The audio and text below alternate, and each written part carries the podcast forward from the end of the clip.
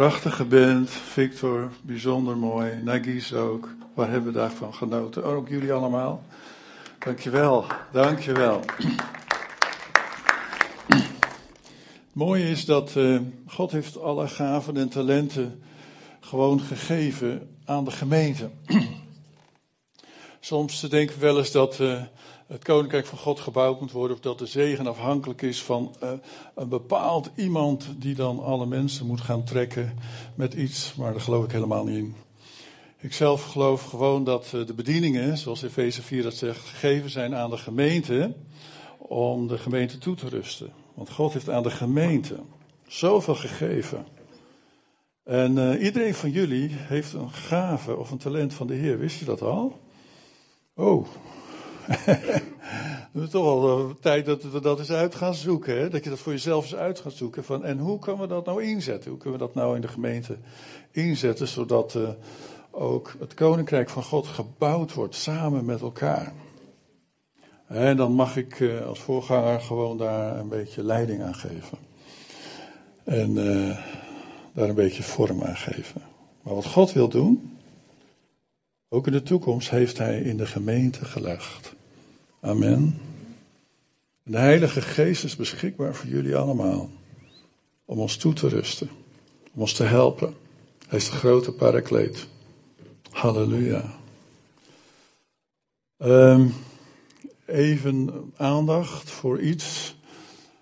Uh, zoals jullie weten heb ik heel sterk op mijn hart, maar ik geloof dat sommigen jullie het ook wel op zijn hart he hebben, dat op hun hart hebben, om, om iets te gaan betekenen als gemeente Leefzutphen, ook straks voor het AZC. Dat is best wel een lastig traject, daar moeten wij ook nog heel veel dingen in leren. Ik kom zelf vroeger uit Alkmaar, waar al 25 jaar lang een AZC was, en waar we al 25 jaar lang dus ook al allerlei dingen hadden ontwikkeld. Nou, dat moet hier nog helemaal opnieuw gebeuren. We leven in andere tijden, er zijn nieuwe regels. Maar ik weet wel dat er 24 september, 24 september, in heel Nederland een open dag is voor alle AZC's. Nou, ook dus hier in Zutphen. Nou, wij hebben Bashar en Samir gevraagd. Zijn, is toevallig hier? Bashar is hier, ga eens even staan. Is Samir toevallig hier ook? Ga eens even staan. Ja, maar ja. Om hierin een beetje het voortouw te nemen. He, zij komen ook uit die land, ze hebben ervaring, ze weten wat kan en wat niet kan. Ze weten ook wat mogelijk misschien problemen kan geven, of wat mogelijk juist open deur kan geven. En we willen hun vragen de toekomst ons daarin voor te gaan. Dus ik wil ook vragen dat als je ideeën hebt, check dat even bij Bashar en Samir. Maar eh, we hebben besloten om eerst even die open dag af te wachten. Dus gaan, we gaan, degene die dat op hun hart heeft, ga daar nou eens echt naartoe. En ga daar eens kijken. In het begin is het voornamelijk gebaseerd op contacten, op uh, vriendschap, op uh, iets voor elkaar betekenen. Als gaat het om boodschappen of leren fietsen of noem maar wat. En uh, het hart moet daarnaar uitgaan, naar elkaar en naar de mensen. Zij weten ook hoe dit werkt. En willen als gemeente ook een zegen worden. Voor de hele stad, maar zeker ook voor hen. Amen. Nou, dit jaar is mijn thema. Ik ben blij dat dat er weer op staat. Liefde. ik ben er nog lang niet uit, op uitgekeken, want de Bijbel staat er vol van. En het benadert het ook met, met allerlei aspecten. en dat betekent dat het voor God ook heel belangrijk is want God is liefde. Amen. God is liefde. En dat betekent dat wij daar toch iets van uit mogen zien werken door de Heilige Geest in ons leven. En uh, alleen ja, we weten ook wel dat dat soms best ook wel, wel, moeite, moeite geeft. Liefde misschien uh, geven aan anderen, maar ook misschien liefde ontvangen. En uh, de Bijbel zegt er heel veel over. Ik wil je er eigenlijk mee naartoe nemen. Eigenlijk was ik van plan om iets te gaan zeggen over liefde is barmhartigheid en het over de barmhartige Samaritaan te hebben. Dat gaan we ook doen, maar ik wil ergens anders beginnen. Ik wil beginnen in de Efezebrief, hoofdstuk 4. En um, Efeze, wie, wie weet waar Efeze ligt? Turkije. Ja, een heleboel van de gemeenten, of zijn alle gemeenten eigenlijk, die in het boek Openbaring staan, de eerste hoofdstuk, het tweede hoofdstuk, dat ligt allemaal in West-Turkije. Turkije wordt dan ook wel eens het tweede Bijbelland genoemd. Ja dus. Ja, zeker waar nu ook in Oost-Turkije allerlei problemen zijn eigenlijk. Uh, daar kwam Abraham vandaan. We zijn in die woestijn geweest, Corrie en ik. In Haran, uh, bijna 50 graden. Waar, uh, waar, waar, Abraham zijn roeping ontving. En dat was dus Turkije. Het is dus Turkije. Als je kijkt naar de, de Pinksterdag, waarin uh, zoveel mensen naar Jeruzalem kwamen hè, om, om feest te vieren. En, uh, en, en er was een uitstorting van de Heilige Geest. We kennen dat hoofdstuk wel, Handelingen 2 in de Bijbel. Dan lezen we dat een heleboel mensen die, die, die discipelen hoorden spreken in hun eigen taal. En dan worden die talen opgenoemd. En als je dat gaat bestuderen, waar, waar kwamen die mensen dan vandaan? was een heel groot gedeelte kwamen uit Turkije. En ook heel veel Joden woonden in Centraal Turkije. Is wel interessant eigenlijk om te weten. Wel, Efeze, daar had, was dus, had Paulus een, een voorganger aangesteld. Wie was die voorganger? Nee, dat was Timotheus. Timotheus was aangesteld over Efeze. Nou, Efeze waren natuurlijk christenen uit het Jodendom, die tot de Heer Jezus waren gekomen, en uit het Heidendom. Sommige Grieks, sommige weer anders. En die waren in één gemeente. En dat is het best wel lastig. Zo'n gemeente waar allerlei mensen bij elkaar komen vanuit allerlei achtergrond. Um, en toch geeft de apostel Paulus daar hele duidelijke aanwijzingen voor. En hij geeft een bepaalde aanwijzing die ik, waarmee ik wil beginnen te lezen. Efeze 4, vers 16. Want dan gaat het dus ook over hoe de gemeente wordt, wordt opgebouwd door de bedieningen. Bediening van uh, apostel, profeet, uh, leraar. Jullie kennen wel die vijfvoudige bedieningen. Evangelist. Uh, en dat hoofdstuk gaat dan verder. En dan zegt hij op een gegeven moment in, hoofdstuk 6, in vers 16 van hoofdstuk 4, zegt de apostel Paulus, vanuit dat hoofd, en dat is dan Jezus Christus, krijgt het lichaam, de gemeente, samenhang. Wat bindt dus nou samen? Jezus. Amen. En wordt het ondersteund en bijeengehouden door allerlei gewrichtsbanden, zoals ook ons eigen lichaam zo bijeengehouden wordt door allerlei gewrichtsbanden. En dat zijn de onderlinge relaties in de gemeente. Ik hoop dat we het goed hebben met elkaar hier in Leefzutphen. Mag ik amen daarop horen? Amen. Ieder deel draagt naar vermogen bij tot de groei van het lichaam. Doen we dat ook? Ah, yes! Mag ik even al jullie handen zien? Yes, we gaan allemaal bijdragen. Dat zo zichzelf opbouwt door wat? Door de liefde. Op gezag van de Heer, en ook, nou komt het.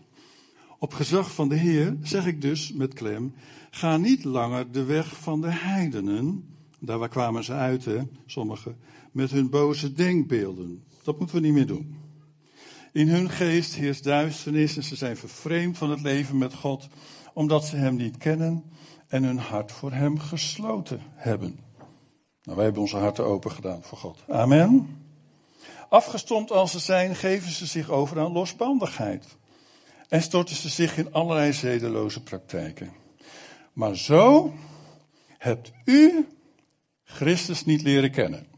Wij hebben Christus anders leren kennen. U hebt toch over hem gehoord? U hebt toch onderricht over hem gekregen? En door Jezus wordt duidelijk dat u uw vroegere levenswandel moet opgeven.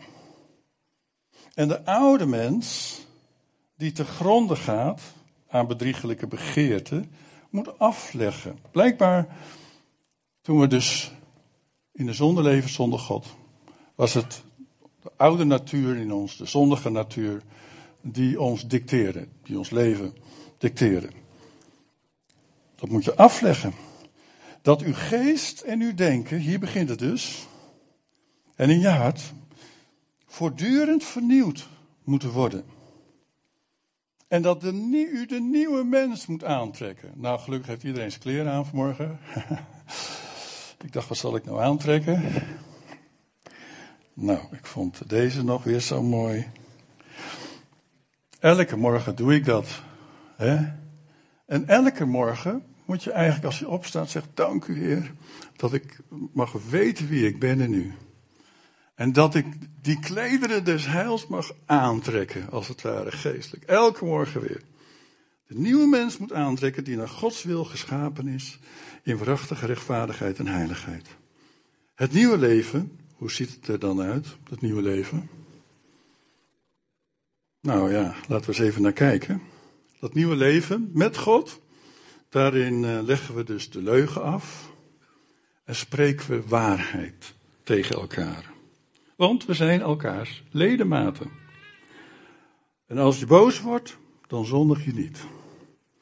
Laat de zon niet ondergaan over je boosheid.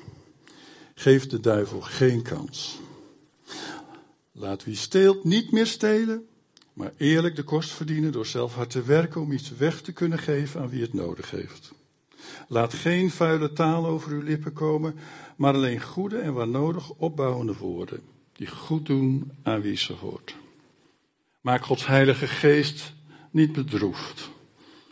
Daarin kun je ook zien dat de Heilige Geest een persoon is. Want alleen een persoon kan bedroefd worden. Hè? De Heilige Geest leeft met ons, leeft in ons, wil ons vervullen met zijn kracht. En we bedroeven de Heilige Geest als we de dingen doen van het oude leven, van de oude natuur. Want Hij is het stempel waarmee u gemerkt bent voor de dag van de verlossing. Laat alle wrok en drift en boosheid varen, alle geschreeuw en gevloek, alle kwaad, uh, kwaadaardigheid. En wees goed voor elkaar. Nou, ik heb dat wel ervaren in deze gemeente hoor. Goeiedag. Ik voel me zo happy in deze gemeente. Jullie zijn goed voor elkaar. Goed voor je voorganger. Liefdevol. Ook voor de anderen die leiding geven. Vergeef elkaar. Een van de onderliggende dingen daarvan. Zoals God in u in Christus vergeven heeft. Behoorlijk stevige vermaningen aan die gemeente in Efeze door de, door de apostel Paulus. Hij zegt, jullie zijn, jullie zijn niet meer zo zoals je was. Jullie zijn anders geworden. Amen. Zoals wij ook anders geworden zijn. Maar wat komen we tegen in ons dagelijks leven? Waar worstelen we mee? En ik zie dat sommige mensen daar nou erg mee worstelen. Niet alleen hier hoor. Maar we, kregen een mailtje van de week weer en ik dacht, oh, van iemand die al heel lang in Christus is, maar zo destructief om zich heen slaat via mails en via kwaadsprekerij en weet ik veel. Corrie en ik hebben echt elkaar aangekeken van wat is dit? Hoe kan dit? Als je met de Heer wandelt, dat je dan toch eigenlijk gewoon, gewoon maar weer toegeeft. Maar je die keuze maakt om toe te geven aan je oude leven eigenlijk, aan de oude mens. En gewoon maar daar mm, je hart mee vervult en andere mensen mee beschadigt. Nou, wat zien we dan? Wat komen we tegen? Vrijgekochte slaven van de zonde, dat zijn we toch? Amen in de Heer Jezus Christus. Alleen die slavenmaniertjes zijn we bezig af te leren. Of niet? Die zitten soms nog een klein beetje in ons. En daar is de Heilige Geest voor. Maar ook keuze. Want ik kan elke keer weer twee keuzes of meerdere keuzes maken. Dus ook natuurlijk de juiste keuze willen maken. Heer, ik wil niet toegeven aan wat mijn oude mens misschien wel wil, maar ik wil, ik wil de keuze maken zoals ik mag zijn in u. Nieuwe keuze. Een goede keuze. Want de oude natuur die wij moeten doodhouden. Waarom dacht je dat de doop zo belangrijk is? Straks krijgen we weer een doop. De doop is werkelijk een actieve stap van kinderen God. Die zeggen: Ik wil mijn oude leven letterlijk, letterlijk Figuurlijk natuurlijk ook, geestelijk ook, maar ook letterlijk afleggen. Ik wil het oude leven begraven in dat watergraf. En als je dan opstaat in dat nieuwe leven van de Heer Jezus Christus, moet je jezelf er wel telkens aan herinneren. Hé, hey, uh, oude Peter, hiervoor, in de foyer, heb, lig jij daar onder het water, nog steeds.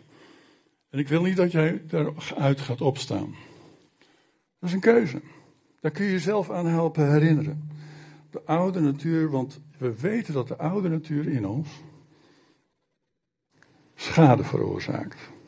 Toch? Dat is gewoon zo. Schade bij onszelf, geestelijk. Schade bij kinderen. En we weten wat er in de wereld aan de hand is. Hè? En ik hoop ook gewoon eh, dat, dat de Heer ons helpt, ons gemeente, om daar heel ver vandaan te blijven. Maar waar, waar kinderen geestelijk, emotioneel, zelfs lichamelijk geweld aangedaan wordt door volwassenen. Maar we zien ook schade door de zonde in de mens bij volwassenen. Volwassenen die geweld aangedaan zijn, soms ook fysiek, maar heel vaak ook met woorden. Die zich verraden voelen vanwege ontrouw van hun partner. Gevolgen van de zonde, gevolgen van de oude natuur. Er ontstaat ook schade bij anderen door misschien uh, wel kwaadsprekerij, wel zaken achterhouden, verduistering van dingen. Of schade bij anderen die de diepe pijn van uh, racistische politieke of godsdienstige vervolging moeten ondergaan. Maar één ding hoop ik dat wij, zeker als Leef Zutphen, in de nieuwheid des levens die wij hebben gekregen in de Heer Jezus Christus, leef, dat, dat wij ook van daaruit mogen gaan leven als we straks iets mogen gaan betekenen voor asielzoekers, Mensen die eigenlijk ja, ontzettend in de deuk zijn geraakt. Eigenlijk gekrust, hè, dus eigenlijk, eigenlijk ver, vermalen, vermorseld door het leven en door omstandigheden, oorlog. Dat wij iets anders daartegenover kunnen laten zien. Iets van God. Want uiteindelijk achter dit dat drama van die vluchtelingen. Uiteindelijk achter alles, wat je kunt het noemen per land of per, per ras, maar uiteindelijk is het de zonde en de zonde macht en Satan die daar een rol in speelt. Uiteindelijk. Maar als wij toegeven aan onze oude mens, oh, ach, ik heb er wel eens last van. Jullie niet? Ja. ja dan, dan, dan geef je eigenlijk ook weer de kans aan jezelf om schade te berokkenen bij anderen.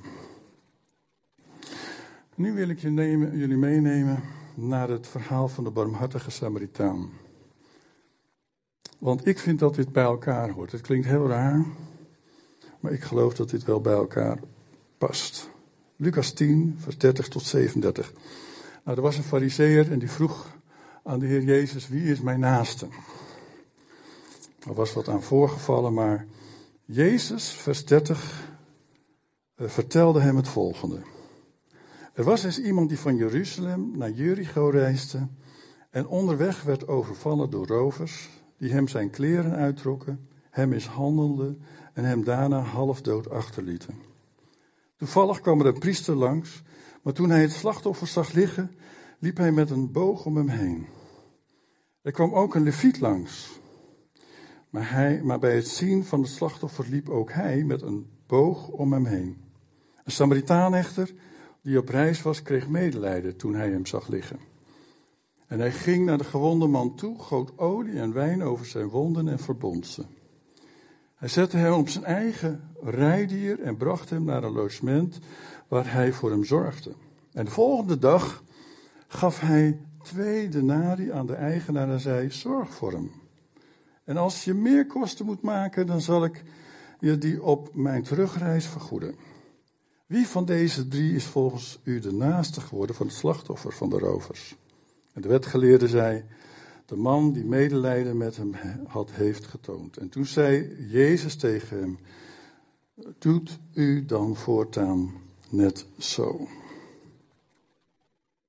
Gewonde man, beschadigd, gekwetst, ligt in de goot, eigenlijk uh, ja, dood te gaan.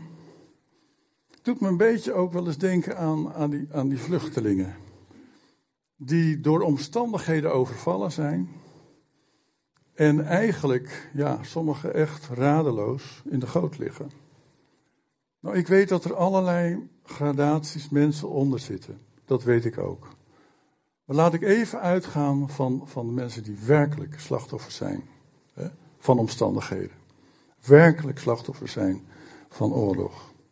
En we weten dat de oude natuur, de natuur die kwam uit de zonde, de oude natuur ook in ons, als we die niet voor dood houden, nog steeds slachtoffers maakt.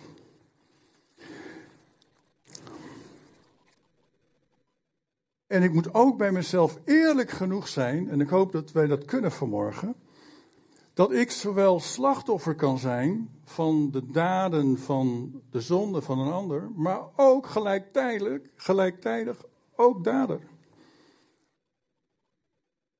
En heel vaak zien we ook, als je het hebt over de, de, de, vloek van de voorgeslacht, zien we ook vaak dat zonde doorgegeven wordt omdat het niet gestopt is of dat niemand een juiste keuze heeft gemaakt. Door God te gaan dienen. En een andere weg in te gaan.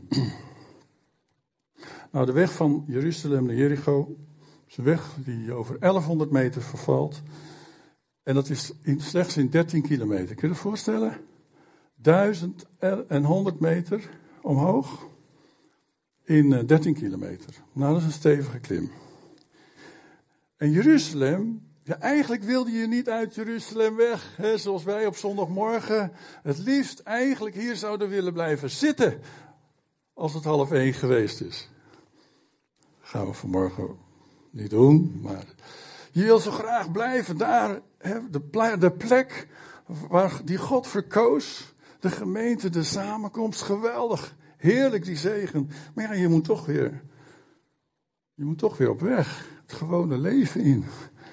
En maandag komt ook weer. Al die zegen mag je meenemen. Het is dus niet altijd samenkomst in ons leven. Was dat maar waar? Soms zijn er gewoon ook verplichtingen, soms is er gewoon werk. Soms zijn er gewoon moeilijke dingen waar je weer aan moet werken. Deze man was dus op, op weg van Jeruzalem naar Jericho. Hij was onschuldig. Hij had nergens schuld aan, zoals soms ook velen van ons, zoals je dat ervaart, van waarom zijn deze dingen mij overkomen? Waarom is dit mij overkomen? Waarom zijn mensen zo, zo na tegen mij? Of heb je daar geen last van?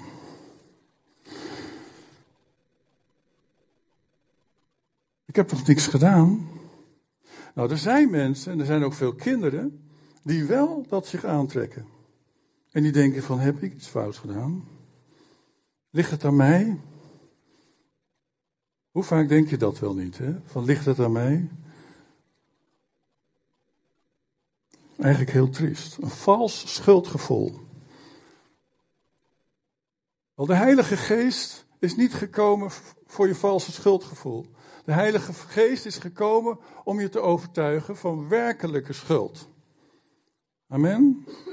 En dat betekent dat als ik fouten maak, als ik nog dingen in mijn leven toelaat, die niet goed zijn ogen van God, dan zal de Heilige Geest me daarvan overtuigen. Maar schuldgevoel, rondlopen alleen maar met dat. Ik denk niet dat de Heilige Geest, ja, dat kan wegnemen in mij. Dat is mijn eigen keuze om niet, om niet toe te geven aan het schuldgevoel. Ben ik schuldig? Ja. Als ik schuldig ben, dan ben ik dat. Ben ik dat niet, dan mag ik er ook mee naar God gaan. En zegt van Heer, bevrijd mij, laat me zien wie ik mag zijn in u, een vrij kind van God. Zo wil ik dan ook leven. Amen. Nou, deze man op weg naar Jericho had door anderen aangeklaagd kunnen worden, zoals wij dat wel eens kennen in ons leven. Van joh, eigen schuld, dikke bult hoor. Had je maar nooit die kant op moeten gaan. Had je maar nooit die route moeten kiezen. Had je maar nooit die beslissingen moeten maken. Ken je dat? Het was niet van God hoor, dat je naar, naar Jericho ging. Het was toch echt niet van God, geloof ik. Ja. Je hebt er zelf een beetje om gevraagd. Kennen we dat? ik ken dat wel. Oh, oh, oh. Jezus klaagt ons niet aan. Jezus zegt niet eigen schuld, dikke beeld. Weet je wat Jezus zegt? Matthäus 11, vers 28. Kom naar mij. Jullie die vermoeid zijn en onder lasten gebukt gaan, en ik zal je rust geven. Nou, deze man was overvallen. Had nooit gedacht dat hij een keer een slachtoffer ergens van zou kunnen zijn. Maar hij was wel kwetsbaar. Want er waren rovers die daar leefden. Hij moest zich machteloos gevoeld hebben toen dat hem overkwam. Hij werd daar misbruikt door die, door die rovers in die situatie. Hij werd in zijn vertrouwen geschonden. Hoe vaak had hij die weg al gewandeld en ging het allemaal goed? En nu niet. Hij werd niet alleen beroofd van zijn kleren.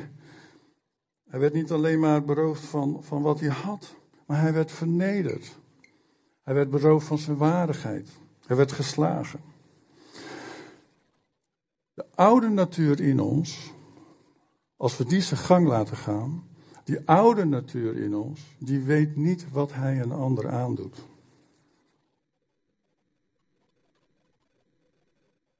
De nieuwe natuur in ons, in Christus, die weet dat wel. En dat weet je ook wel, die voelt dat ook wel. Want onze oude natuur houdt geen rekening met gevoelens van anderen. Of de behoeften van anderen. Want deze man was hopeloos en zo lag hij dus dood te gaan. Ik heb een kleine anekdote over een uh, oude zuster in een gemeente. Niet deze. Maar die had een kanariepietje. Wie heeft een kanariepietje? Geen kanariepietjes meer, hè? Uit. Maar goed. die had een kanariepietje in een kooitje. Ja, een kanariepietje in een kooitje, ja, die kan natuurlijk mooi zingen. Maar die moet je ook wel schoonmaken.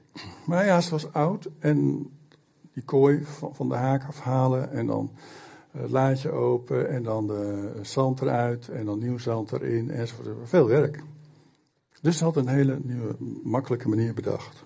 En dat is gewoon met de stofzuiger eventjes voorzichtig, voorzichtig over die bodem van dat laadje alle rommel even eruit zuigen.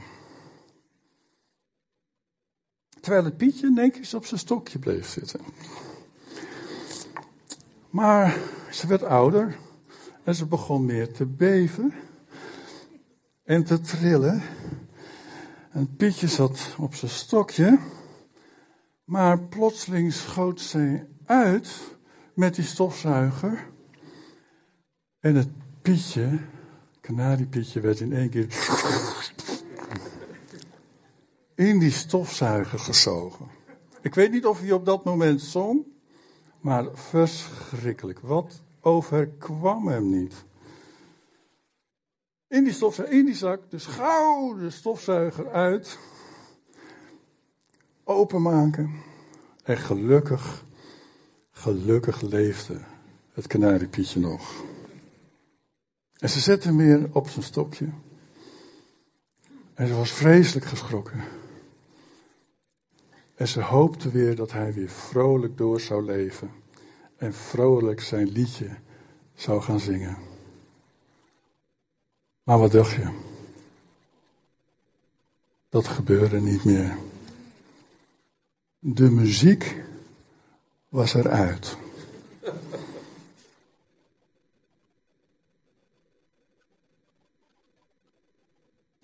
Maar ik ken christenen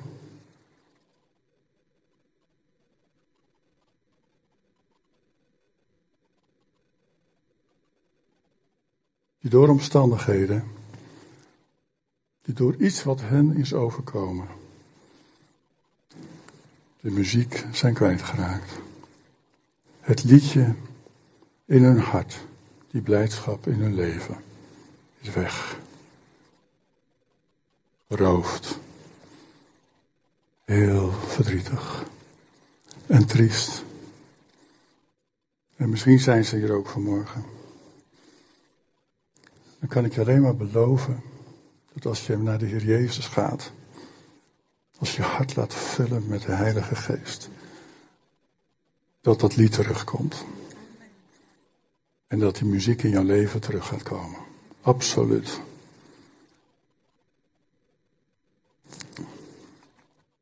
Er waren dus daders die de barmhartige Samaritaan hadden overvallen. En, en, en laat ik heel duidelijk zijn.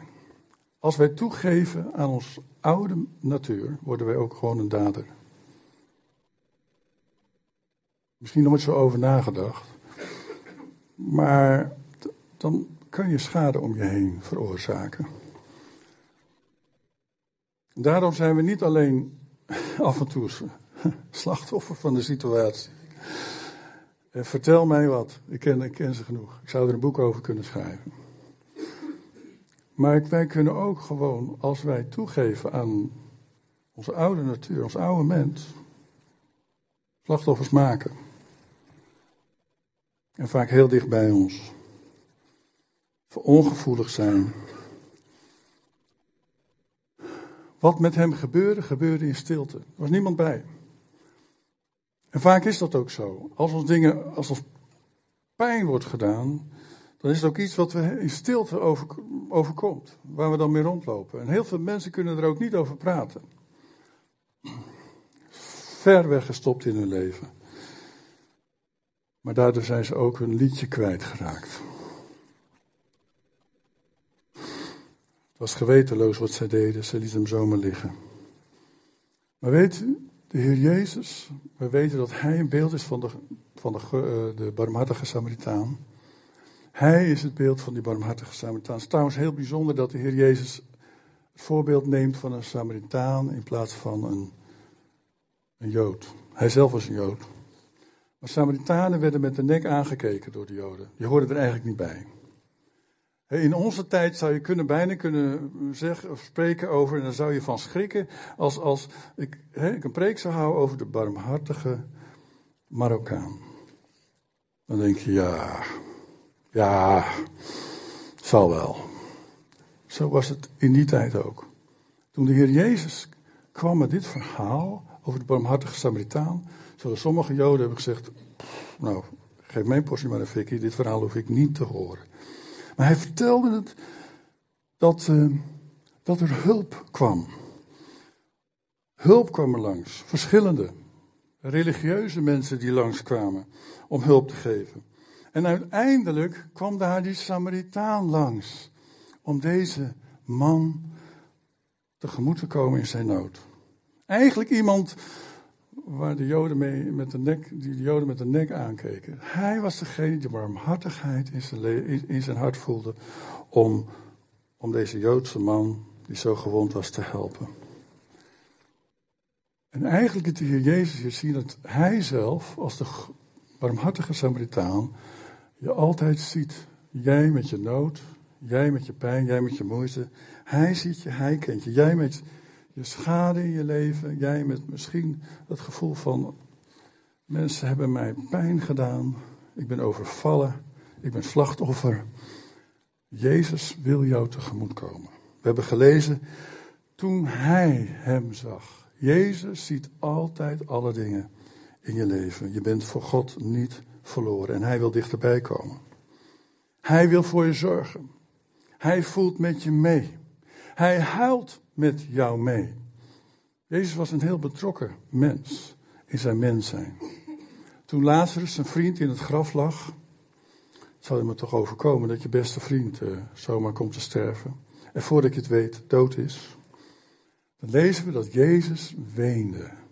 Hij leefde mee. En hij leeft mee met jouw situatie en met jouw moeite en pijn. Als alles van je beroofd is, hij kent het. Want van hem werd alles beroofd. Hij weet wat geweld is. Het werd hem aangedaan voordat hij naar het kruis ging. Zijn beste vriend verraadde hem. Anderen lieten hem in de steek. Ken je dat? Maar hij droeg wel onze zonde. Hij werd overgeleverd aan de toren van God aan het kruis. Hij kent de allerdiepste pijn en moeite van ons leven. Hij voelt je aan en hij komt vanmorgen naar jou toe. Hij loopt niet bij je weg. Hij ziet naar je om. Hij ziet om naar de vluchtelingen. Hij ziet om naar de mensen in het AZC. Geloof ik met mijn hele hart. God ziet naar hem om. Want het zijn gewoon zondaren. Alle mensen zonder God zijn zondaren. En misschien zijn er mensen die God wel kennen. Maar ja, een weg zoeken ook hier in Zutphen en in omgeving om medebroeders en zusters te leren kennen. Jezus bracht vooruitgang. De barmhartige Samaritaan legde de man op zijn eigen ezel, eigen voertuig. Onmiddellijk stopte de achteruitgang bij die man. Hij kwam met olie, de barmhartige Samaritaan, en met wijn, lezen wij. Nou, wijn was natuurlijk een antiseptisch middel, ook in die tijd. Er zat alcohol in en kon uh, infecties voorkomen. Maar olie was verzachtend. Wijn is een beeld van de aanwezigheid van God in je leven. En olie is, is een beeld van de aanwezigheid van de Heilige Geest in je leven. Nou, je wordt niet altijd van het ene moment op het andere moment beter. Soms heb je ook verzorging nodig. Hij bracht hem naar de herberg. Waar denk je dat de herberg een beeld van is? Ja? De gemeente. De gemeente is een beeld van de herberg van God, waar allerlei mensen mogen komen die moeite hebben, verwond zijn, beschadigd zijn, om hier genezing te vinden, heling te vinden, veiligheid te vinden in de gemeente, een plaats van herstel te vinden. Wat gaf, uh, wat gaf de barmhartige Samaritaan aan die herberg hier? Dinaren, denaren, dinaren, denaren. Dat was geld. Hij gaf hem geld. Wat zei hij? Als je nog meer nodig hebt, alles wat je nodig hebt, zal ik je geven. Wat heeft God door de Heilige Geest aan de gemeente gegeven? Bedieningen, gaven, talenten. Waar zijn die voor? tot opbouw, maar ook voor mensen die dat nodig hebben. Het is geen speelgoed. De Heer houdt ons niet bezig van, ah joh, je bent bezig. Kijk hier een rammelaartje van me. Dat is zo leuk. Deze gave, deze talenten. Ik kan lekker mee rammelen. Nee, het is omdat er mensen in nood zijn. En jij kunt iets betekenen met jouw gave en talent voor iemand die in nood is. Wat je nodig hebt om die persoon te helpen, heeft God al uitgedeeld in de gemeente en ook in jouw leven. Eén ding, en dan stop ik. Wat, wat over die daders? Is er hulp voor daders? Want ik ben aan de ene kant uh, soms een slachtoffer. Daar ga ik me niet naar gedragen hoor. Maar uh, wie voelt zich wel eens een slachtoffer? Kom aan, eerlijk zijn. Ja. Moet niet in blijven hangen, hè? doen we niet, hè? Nee. Maar ik besef ook dat ik soms een dader kan zijn. Ja? Als ik aan mijn oude mens, een oude natuur ga toegeven, en die keuze heb ik gewoon, uh, dan, dan op dat moment kan ik ook een dader worden. Maar vergeet niet dat Jezus ook hulp geeft aan daders. Dus ook voor mij.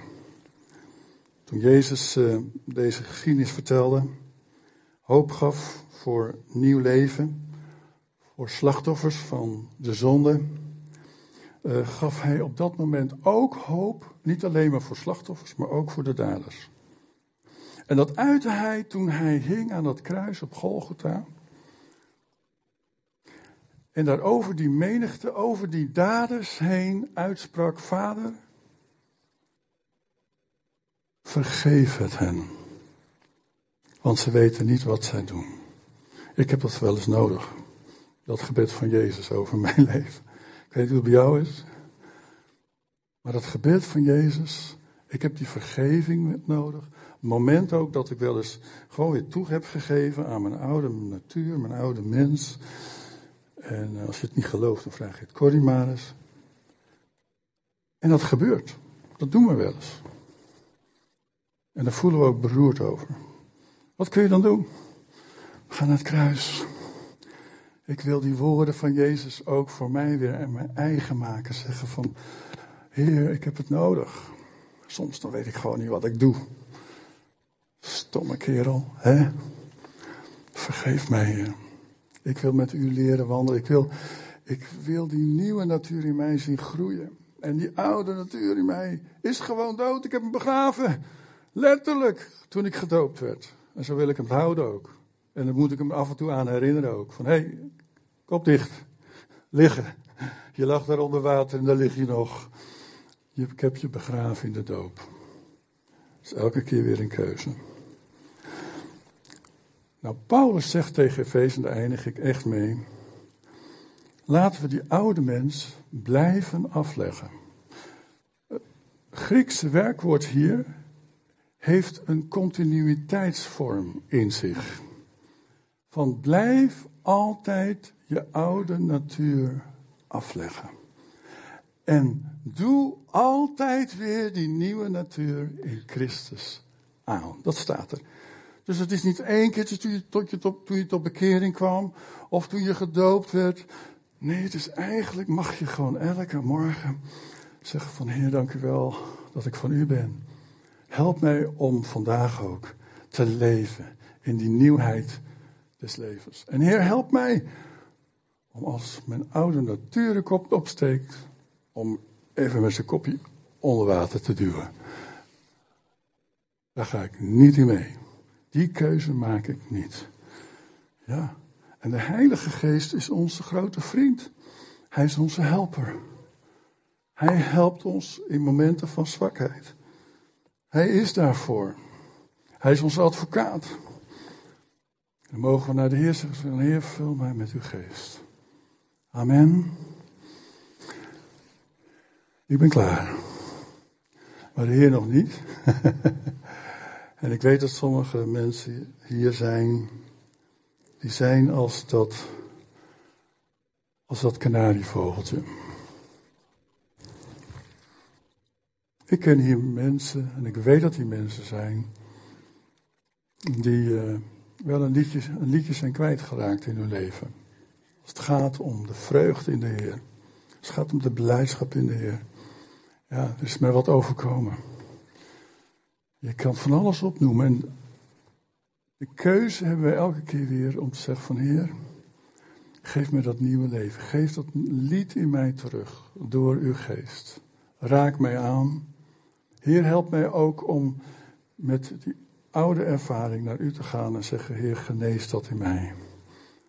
Help mij, Heer, om dingen op te ruimen. Want ik weet ook dat ik niet alleen soms slachtoffer ben, maar soms ook dader. En ook daarmee moet ik naar het kruis en zeggen van, Heer vergeef mij, want soms weet ik ook niet wat ik doe. En ik heb uw vergeving nodig. Maar ik wil leven in dat nieuwheid des levens. Amen. Elke morgen weer. Halleluja. Doe dan aan. Leg dan af. Een continu proces in ons leven. Vader, dank u wel dat we zo naar u mogen komen. Heer, en ik bid echt dat er ruimte is voor de Heilige Geest op dit moment. Om onze harten te bewegen en een keuze te maken. Keuze te maken, Heer, om met u te leven. In dat nieuwheid des levens, in dat opstandingsleven. Heer, help ons om meer op u te lijken. Help ons om sterker te worden. Help ons om die barmhartige liefde uit te werken. En Heer, we zijn ook mens. We hebben die oude natuur. Af en toe is die dan de kop opsteekt. En die we, omdat we in u zijn, als dood mogen houden.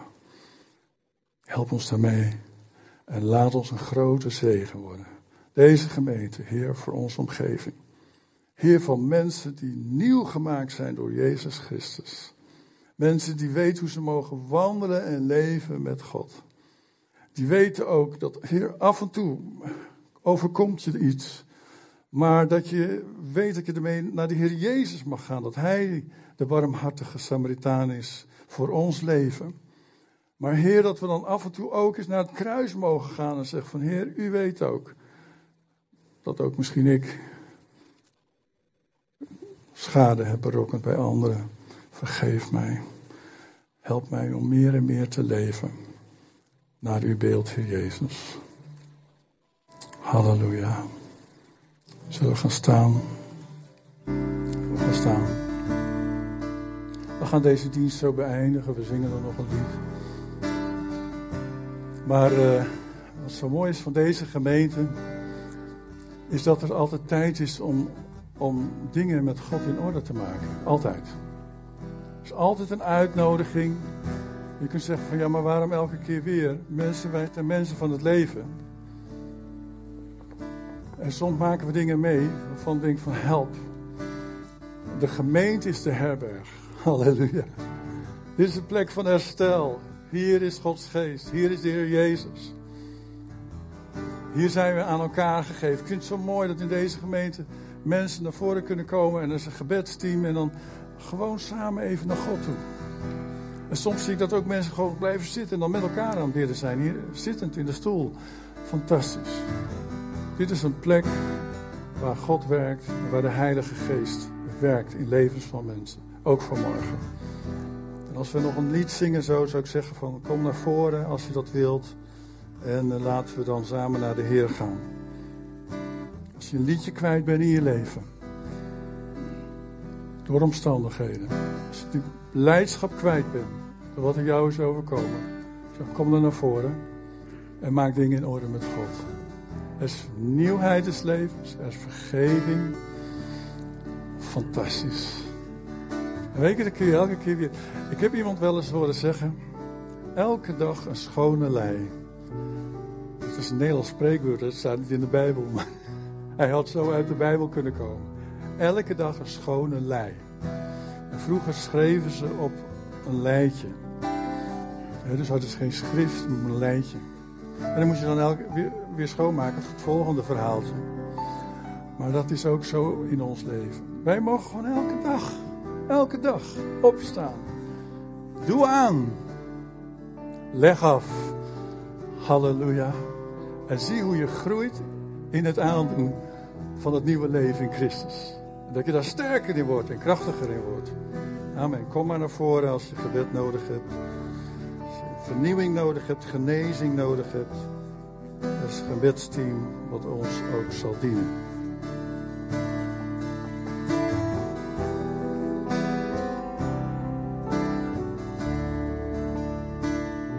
Dankjewel Peter. Kom allemaal. Wees niet bang. We willen heel graag met jullie bidden. En uh, ik wil jullie ook alvast de zegen meegeven van de Heer. Zodat iedereen die dat wil koffie kan gaan drinken. Maar wie nog gebed nodig heeft, kom naar voren. De Heer zegene je met zijn liefde. Hij zegene je met de genade van de Heer Jezus Christus die altijd klaar staat met open armen om jou te omhelzen. En hij zegene jou met de krachtige bijstand van de Heilige Geest, onze grote helper, onze grote trooster, onze grote leraar, die ons wil helpen om het leven te leiden dat God heeft bedoeld. In Jezus' machtige naam. Amen.